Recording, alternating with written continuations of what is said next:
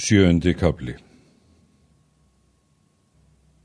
Það var einn aftan er hann gekk svo búin heim sem hann var vanur. Refur gata líta fram á nesið hvar kvítabjörn var. Björnin skundan og sinni ferð er hann sá einn mann. Refur þykist á óvarlega farið hafa. Nýsnæfi var á jörðu og auðsaði spór hvert sem er ekki að skildi. Refur sá ekki efni sín á að ganga á mót byrninum voplus. Snýra nú aftur til rósins og tóku auksina, læsir síðan rófinu, snýr úr þanga sem björnin hafi verið og var hann þá döður. Hafðu þeir bræður, sinir Þorgil sigrað björnin, er þeir höfðu gengi frá róðri. Refur gekk þá heim. Það er nú til máls að taka þegar Þorgil sinir koma heim. Fadir þeirra spurði hvað þeir hefðu fiskt. Þeir létust ekki fyrst hafa, en veitt höfum við kvítabjörnið. Þorgil smalti. Mikið er um uppheldi yðvart er þér veitið búið voru og munu fáir svo fyrir vinna.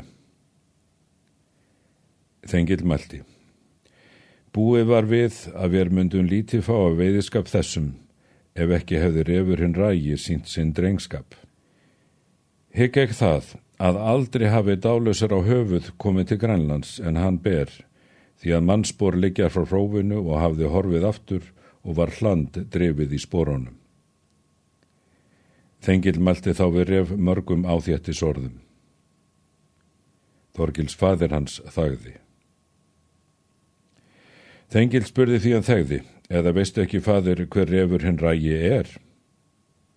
Þorgils mælti. Um slíkt er illt að ræða og ávalt mætti Grænland rauða kinn bera er það heyrði refs getið. Því að ég sá þegar hann var hingan í komin að öfluð hafi verið áður Grænlandin mesta skömm.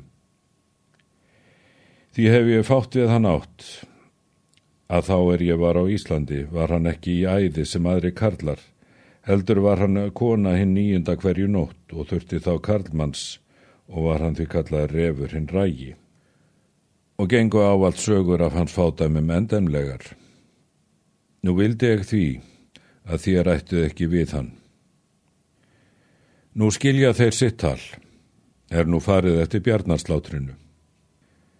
En hvar sem þeir þorgil sinni komu, þá bera þeir upp þetta ílmæli og kveikja það í öllu að refur hafi fyrir reygi sakir gerverið af Íslandi og verið í burt keftur nokkuru fjö.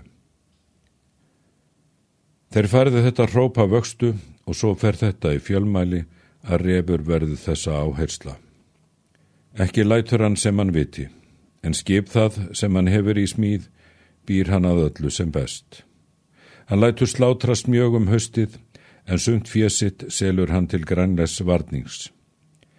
Refur hefur höstbóð mikill og býður til vinun sínum en í hljóði seldi hann landsitt við lausafjö. Hann skilur og það til að hann skal þá á missurum landlaust láta og gera hinnum orðum. Hann hefur með sér margt röskara manna ekki færri en tólf. Refur var orðin stór auðugur. Þetta var að tvímánuði.